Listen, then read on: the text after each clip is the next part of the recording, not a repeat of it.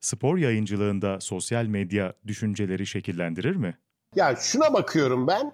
Şimdi ben hani e, televizyon yayın yıllardır televizyon yayıncılığı yapıyorum. Yayın yapa kendim de yayınlara çıkıyordum.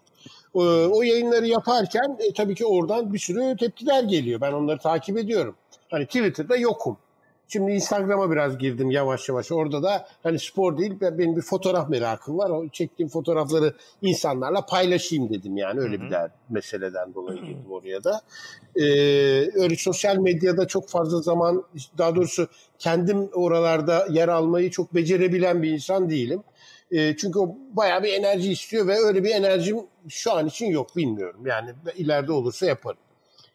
Ama oradan gelen tepkileri görüyorum. Çok ağır tepkiler var. Çok ağır.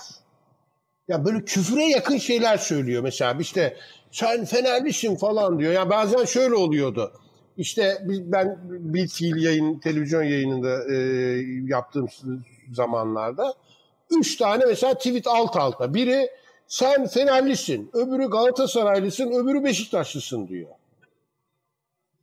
aynı yayın için üç farklı yorum var. Şimdi ben orada diyorum demek ki doğru bir şey yapmışız. Yani demek ki ortada kal tarafsızlık ilkemi. Çünkü hani tarafsızlık benim için çok kıymetli, çok önemli bir şeydir. Dolayısıyla her yayıncı için önemlidir zaten yani benim için derken. Biz burada çok da dikkat edelim. Yanlış anlaşılmaması için de uğraşırım. Dolayısıyla da demek ki doğru bir şey. Bazen de böyle kantarın topuzu kaçar gibi oluyor. Böyle hakarete varıyor bazen. Hmm. Ama şöyle düşünürüm hep. Ya orada işte 140 karakter. Şimdi 240 oldu galiba. Ama yine de evet. kısa. Orada bir insan derdini anlatmak için çok az bir alan var.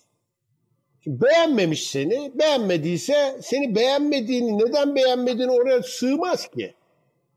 Sallarsın bir tane olur bir tane. Dolayısıyla onları çok fazla ciddiye almamak lazım. Çok büyük hakaret, çok büyük küfürler olmadığı sürece tabii. Tabii.